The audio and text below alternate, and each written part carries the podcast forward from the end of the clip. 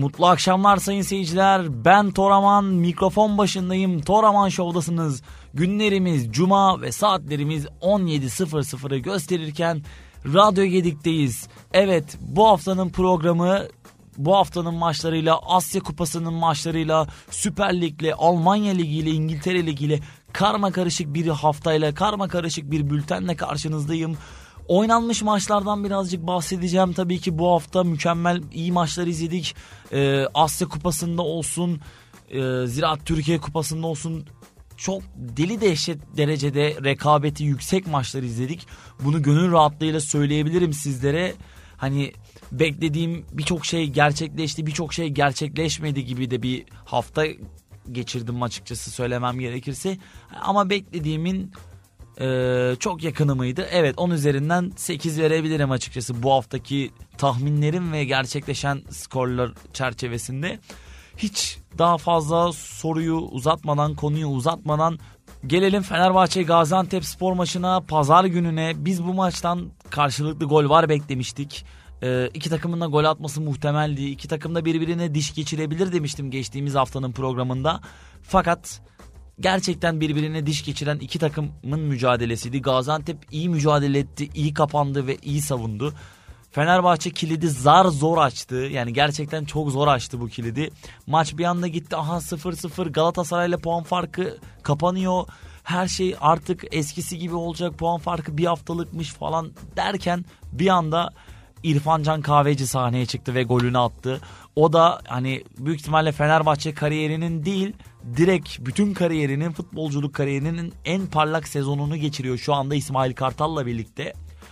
Ee, 1-0 kazandı Fenerbahçe. Zor bir maçtı benim açımdan söylemem gerekirse. Geldik tabii ki de Güney Kore Bahreyn maçına. Onu da ben kesinlikle Güney Kore'nin e, 3-4 gol bandında biterek kazanacağını söylemiştim ve 3-1'lik bir skorla sona erdi. Hani neredeyse %100 tuttu diyebilirim benim tahminlerim. Ee, Güney Kore kazandı, iyi top oynadı. Bir anda böyle ilk yarı 1-0 oldu falan. Bahreyn attı atacak falan dedik. Bir anda skor 3-1'e geldi. Karma karışık bir maçtı. Yani dediğim gibi Güney Kore'de zaten hani iyi topçular var. Gerçekten hani şu anda baktığımızda e, dünya futboluna belki de yön verecek isimler var. Onlardan biri Kang In Lee yani orta saha oyuncusu ama gerçekten attığı goller muazzamdı. İyi bir performans sergiledi o da. İki golle e, Güney Kore takımına e, en büyük katkıyı veren isimlerden biriydi. Ben bu maçta Hermingson'un da bir gol atacağını bekliyordum açıkçası. Hani kişisel olarak sevgimden kaynaklı ona. Atamadı önümüzdeki maça diyoruz artık ona da yapacak bir şey yok. E, fakat dediğim gibi Güney Kore Asya Kupası'nın en kuvvetli rakiplerinden bir tanesi olduğunu bize göstermiş oldu. Japonya evet Japonya'ya geliyoruz. Japonya birazcık zor kazandı. Maç bir an gitti geldi. Ee, aha dedik Japonya farkı açtı kazanıyor galiba Vietnam'a karşı. Skor bir anda 2-1 oldu 3-1 oldu falan böyle. 3-2 oldu. Aa dedik olmuyor. Çünkü Vietnam bir ara yakaladı. Gerçekten hani e, Japonya 1-0 öne geçti. 1-1 oldu maç. Sonra bir anda 2-1 Vietnam öne geçti. Lan dedik ne oluyor?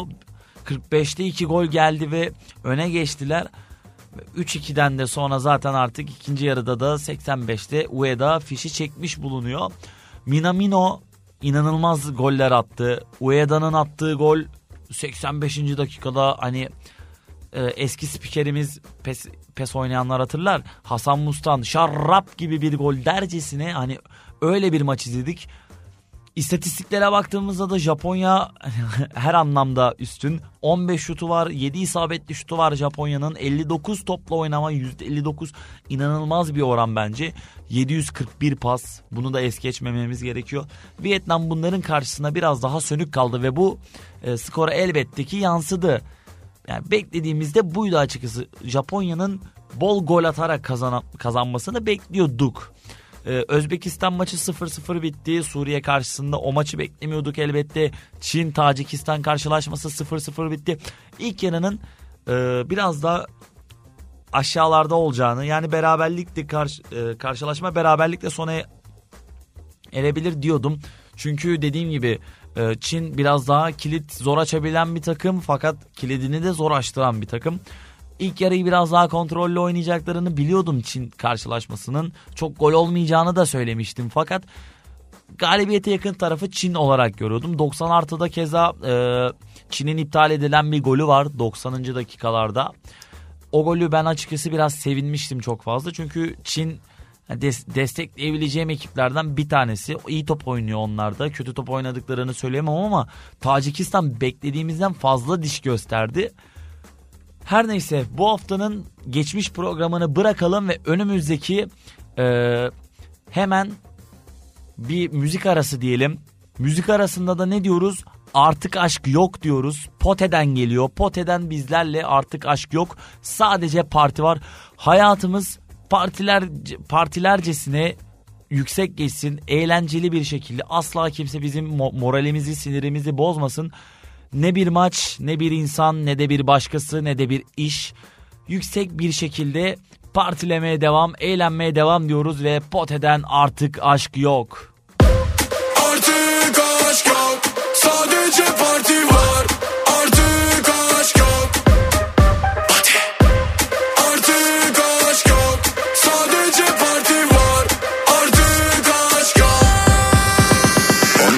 Adamdın kaldı sekiz.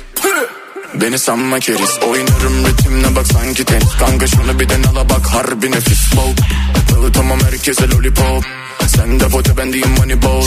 Gören diyor sanki bu makbuz Ama magazine değil mobeseye kesiyon poz Dolu üstten gibi kafamın içi Manitan benle ezik bebe kenara çekip Gücümü gösterebilirim. Kenara çekip Gerçekçiyim. İyi iyi sefile sefil. Hiç işim yokmuş gibi party hard. Bir mekan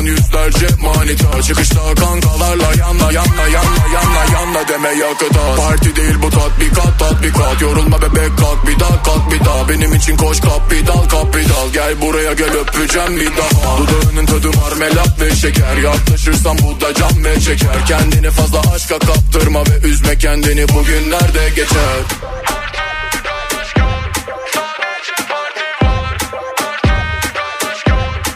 O eski ben yok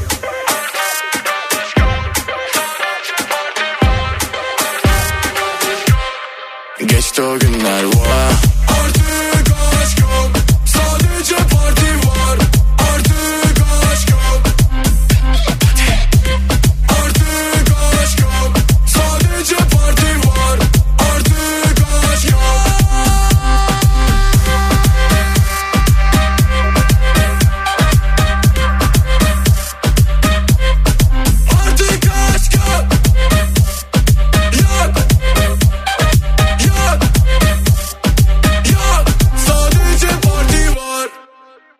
Kendini fazla aşka kaptırma ve üzme kendini bugünler de geçer diyoruz. Pot ediyor bunların hepsini. Ee, biz de tabii ki buna birazcık ayak uyduruyoruz. Bu şarkıyı ve bu programı kendini aşka kaptırmış, derdin tasasını bir köşeye bırakamamış, halen evinde sıkıntılı günler çeken, dert, derde tasayla boğulmuş insanlara arkadaşlarınıza yollayın. Çünkü hayat gerçekten eğlenmek için ve kendi günümüzü yükseltmek için var. Ee, biz de bunları hemen bir köşeye bırakıp müziği bir kenara koyduktan sonra Asya Kupası'yla geri dönüyoruz. İlk maçımız e, bu program yayınlandıktan sonra yani ben şu an programı kayıt alırken yarın diyorum ama bu program yayınlandığında bu maç oynanmış olacak. Irak-Japonya maçı. E, bu maça baktığımızda Irak 3-1 kazandı ilk maçını Endonezya karşısında. Az önce bahsettiğim gibi Japonya ise Vietnam karşısında 4-2'lik e, ezici bir oyunla fakat e, zor gözüken bir galibiyet almıştı. Çünkü baktığımızda maç bir an Japonya tarafında işler kötü gidiyor dedirtti bize. E, bu maç üzerinden de beklentim gene 3.5 3-4 gol bandını aşacağı çünkü e, iki takımın da gol attığını gördük. Japonya'nın kolay gol yediğini gördük. Suzuki özellikle iyi bir performans sergilemedi kaleci Suzuki. Bu maçta oynar mı bilmiyorum ya da oynadı mı onu söylemem daha doğru olur ama eğer oynarsa gol yemesi gene muhtemel olarak görüyorum. Beklentimin altında bir performans sergiledi. Sezon başı da ismi birçok Türk kulübüyle Ankara gücüyle yanlış hatırlamıyorsam e, geçmişti. İşte Manchester United'la adı anılmıştı.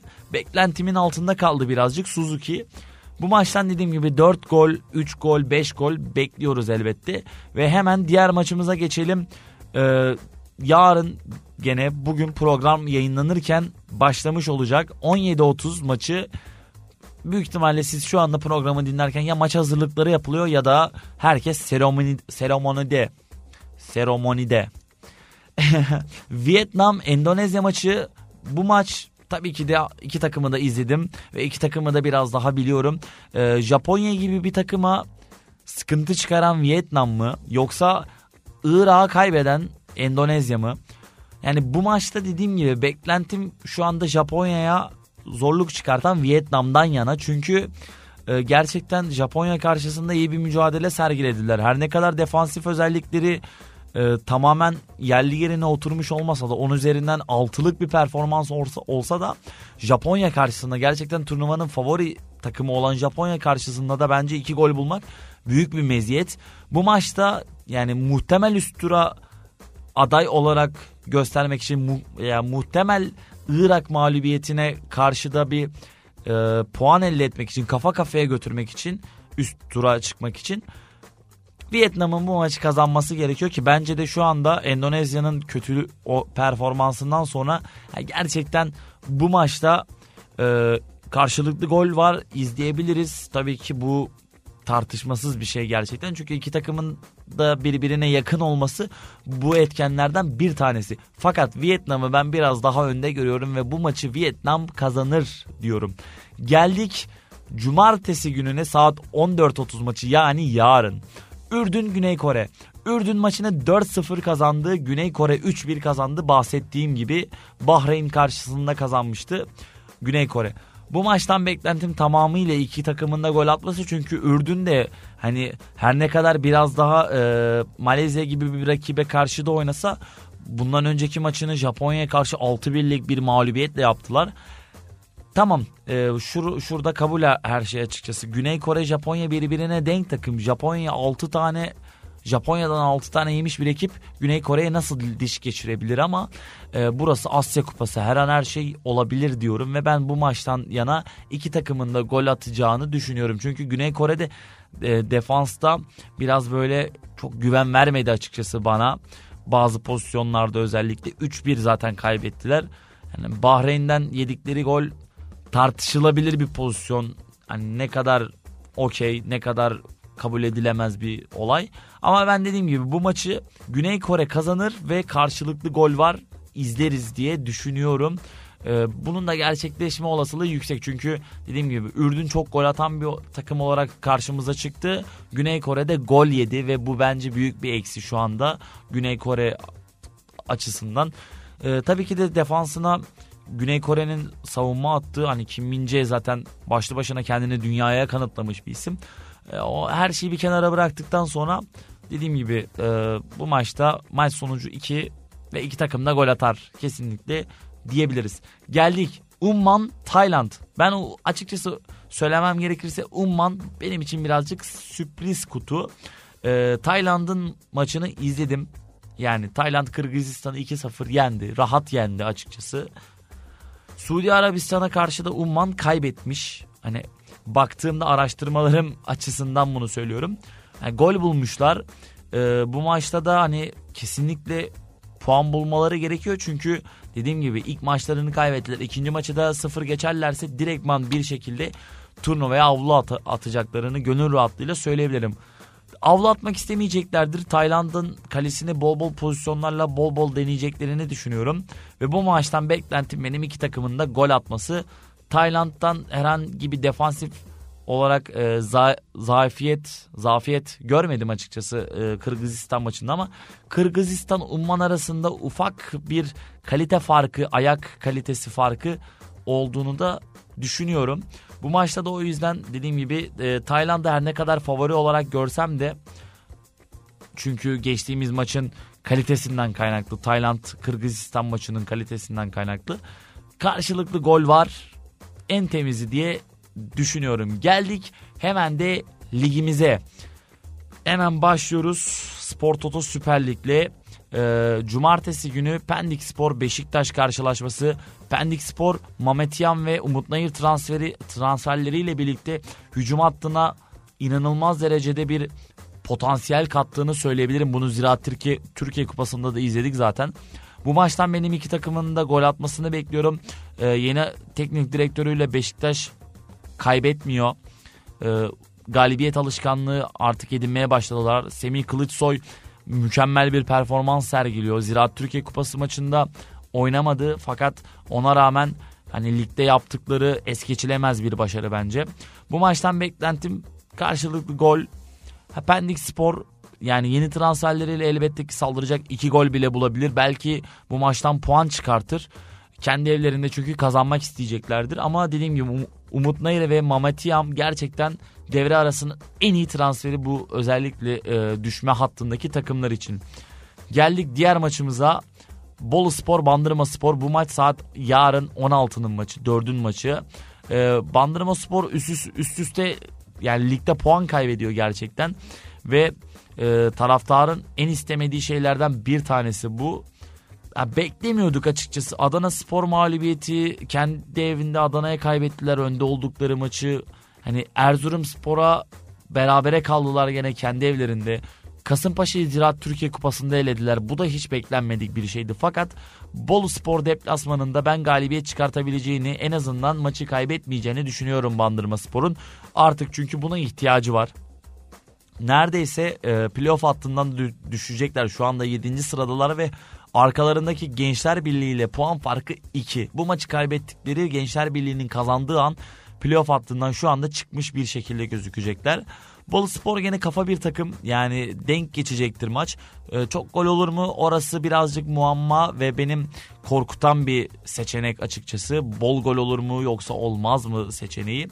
Bolu Spor dediğim gibi biraz daha e, etkin ama savunma olarak da o yaratıcılığı daha fazla Bandırma Spor'a göre. dediğim gibi ama bu maçta da benim beklentim Bandırma Spor'un kazanması en azından kaybetmemesi öyle söyleyebilirim. Gene cumartesinin maçlarından bir tanesi daha gidiyoruz hemen Almanya'ya. Leipzig Leverkusen maçı.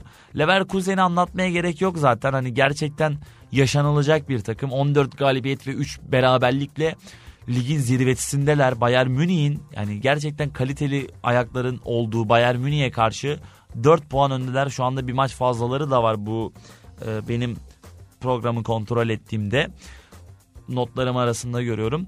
E, bu maçı hani Bayern Münih bir maç eksiğini kazansa bile puan farkı hani 1'e düşüyor gene. Puan kaybettiklerini de varsaydığımızda 2 puanlık 3 puanlık bir puan farkı var. Leverkusen Leipzig deplasmanı hani zor. Leipzig her ne kadar son haftalarda e, beni şaşırtsa da özellikle Frankfurt maçında içeride puan kayıpları zordu. Augsburg deplasmanında Leverkusen zar zor kazandığını söyleyebilirim. 1-0'lık bir galibiyet. Fakat benim bu maçtan beklentim 3 gol en az izleyeceğimiz açısından yönünden. Geldik bir diğer maçımıza Türkiye 1. Lig TFF 1. Lig karşılaşmalarından Kocaeli Spor Eyüp Spor karşılaşması iki kafa takım Eyüp Spor Beşiktaş'a Ziraat Türkiye Kupası'nda 4-0 elendi. Kocaeli e, şöyle söylemem gerekirse onlar da pek istenilen kıvamda değiller. Öyle söylemem gerekiyor. Son haftalarda gol atıyorlar fakat maçı kaybediyorlar ya da puan kaybediyorlar. Bodrum karşısında kendi evlerinde puan kaybettiler. İki mağlubiyet var üst üste ve bu maçı yine kendi evlerinde oynayacaklar. 4-0'lık ağır bir darbe almış Eyüp Spor'a karşı diş geçirmeye çalışacaklar. Bu maçta gene e, taraf bence biraz uzak durmamız gerekiyor. Çünkü Eyüp Spor dediğim gibi bu 4-0'ın e, 4-0'lık Beşiktaş yenilgisini ağır bir şekilde Kocaeli Spor'a ödetebilir ki Kocaeli şu anda hani son 3 haftanın performansına baktığımızda bunun için en müsait takımlardan bir tanesi. Ee, bu maç üzerinden de beklentim biraz daha basit. İki takımın da gol atması biraz daha garanti gözüyle bakıyorum. Geldik bir anda pazar gününün maçlarına.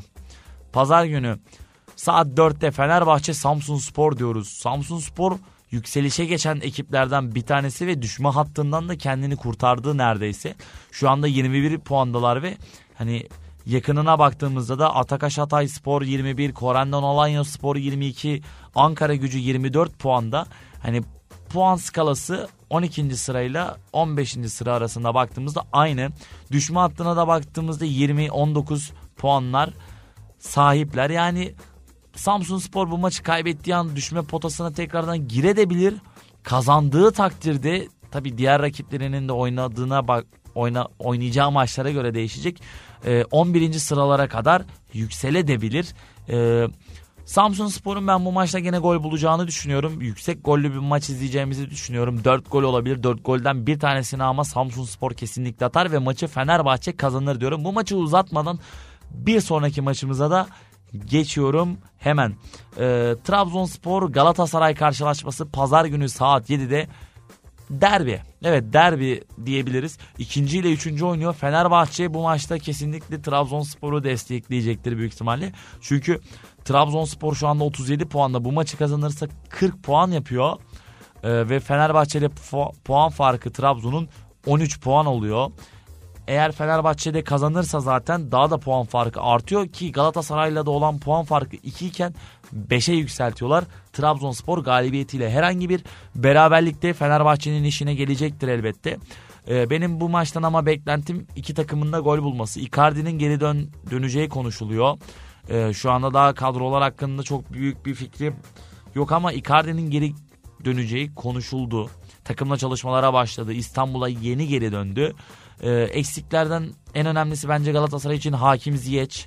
Ee, Sergio Oliveira sakat. Bunlar tabii ki de dediğim gibi önemli bir eksikler ama yani Trabzonspor'da daha fazla eksik var. Bakasetas'ın gideceği konuşuluyor. Yunanistan yolcusu diyor herkes.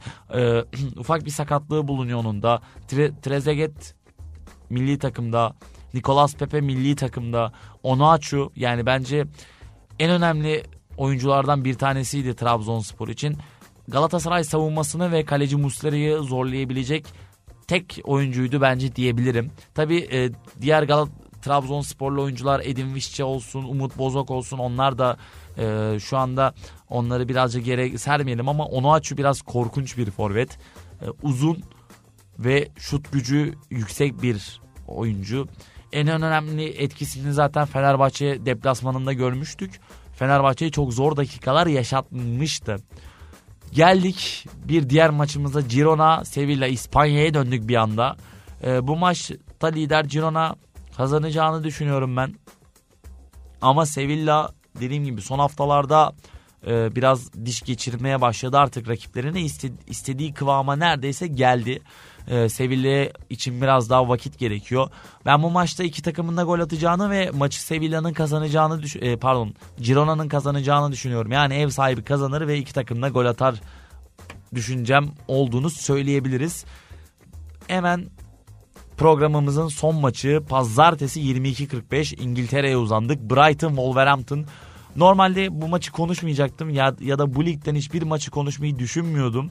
Ama yani ya gerçekten benim beklediğim nadir maç haftanın programında. Çünkü Brighton Mitoma eksikliğinde ne yapacağı sağ solu belli olmayan bir ekip. Son maçları galibiyet, mağlubiyet, galibiyet, mal e, pardon, galibiyet, beraberlik, galibiyet, beraberlik olan bir ekip. Wolverhampton son iki karşılaşması beraberlik Brentford karşısında. Bir tanesi lig, bir tanesi e, İngiltere kupasıydı. Ama onun öncesine de baktığımızda üst üste 3 maçlık bir galibiyet serisi. Kendi evlerinde Chelsea'yi yendiler. Bu bence e, konuş yani bu maçın Wolverhampton'a kaymamız için en önemli etkenlerden bir tanesi olabilir ama dediğim gibi bu maçta e, taraftan çok bence iki takımın da gol bulması muhtemeldir seçeneğine kaymamız daha önemli. Çünkü e, neredeyse her maç bir buçuk gol yemiş Brighton. 38 gol atıp 33 gol yemiş. Ligde Wolverhampton tarafıysa 30 gol atıp 31 gol yemiş. Eksiklerine baktığımızda tabii ki de yani milli takıma giden Hwang Hee bence hani Wolverhampton'ın e, hücum anlamındaki en önemli oyuncularından bir tanesiydi. Bunun eksikliğini hissedebilirler ama aynı şekilde de hani Mitoma eksik. Kesinlikle Brighton'ın en önemli oyuncularından bir tanesi. Simon Adingra eksik. Yani bu eksikleri iki takımın da eksiklerini de göz önünde bulundurmamız gerekiyor. Bu eksiklere rağmen bence kafa kafaya bir karşılaşma ve iki takım da gol atar seçeneği önceliğimizdir. Ee, evet bu haftalık da benden bu kadar. Şimdi sizleri Şeyin Şah ve 13 Killoki ile baş başa bırakıyorum. Pembe yalanlar diyoruz. Ve ondan sonra da kapanışta karşınızda olacağım. Pembe yalanlarla tatlı bir müzik ziyafeti. Sonrasında gene mikrofon başındayım.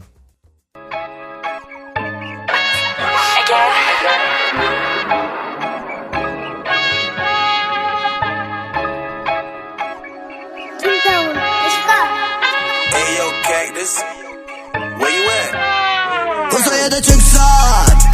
Yok bendeki vizyon sende. Bulamazsın arama yakında. Dudaklarımın tam arasında.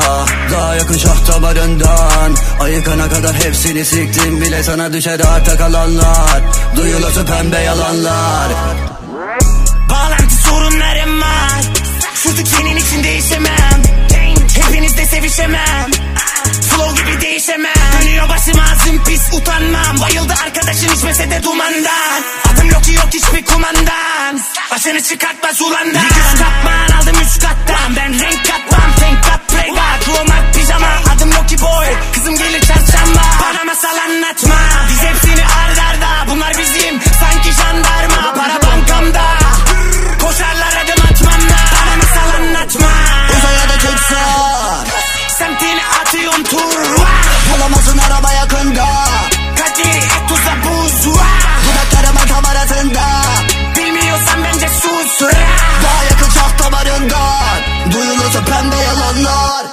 Arkadaşım da o benim arkadaşım. Yabancıyım buralara nasıl? Geldi mevzu nasıl anlamadım. Silahımın namlusunda başlar Darmadağın. Arkadaşım canlanmadı kaçın. O benim en sıkı toptu. En azından artık benim adım. Evimin içinde kırmızı yıldızlar yanmış. Tüm birimler yığılmış fızıldar Ekip. Her birinde sniper Kızımda tetik var. Bende de grinder Çıkakta dedem kese kıyasa İndir mermiler kafamı kırmıyor. Kadim bir adamım yıkmıyor. Sarsa da yıkılmam ıslanıyor. Kızlarının orası Kralının kralı yanında karının saçın Arkadaşın yanlışı tırpanımın ucunda Uzaya da çıksa Yok bendeki vizyon sende. Bulamazsın arama yakında Dudaklarımın kamerasında. Daha yakın şah damarından. Ayıkana kadar hepsini siktim bile Sana düşer arta kalanlar Duyulası pembe yalanlar Bağlantı sorunlarım var asla senin için değişemem diyoruz ve Killoki dedi bunları tabii ki de şey inşallah. Uzaya da çıksan yok bendeki vizyon sende. Ee, bu, bu haftalıkta benden bu kadardı. Mikrofon başında ben Ardu Ümit Toraman, Toraman Show'daydınız. Önümüzdeki hafta Cuma günü saatler 17.00'ı gösterdiğinde tekrardan görüşünceye kadar şimdilik hoşçakalın. İyi akşamlar.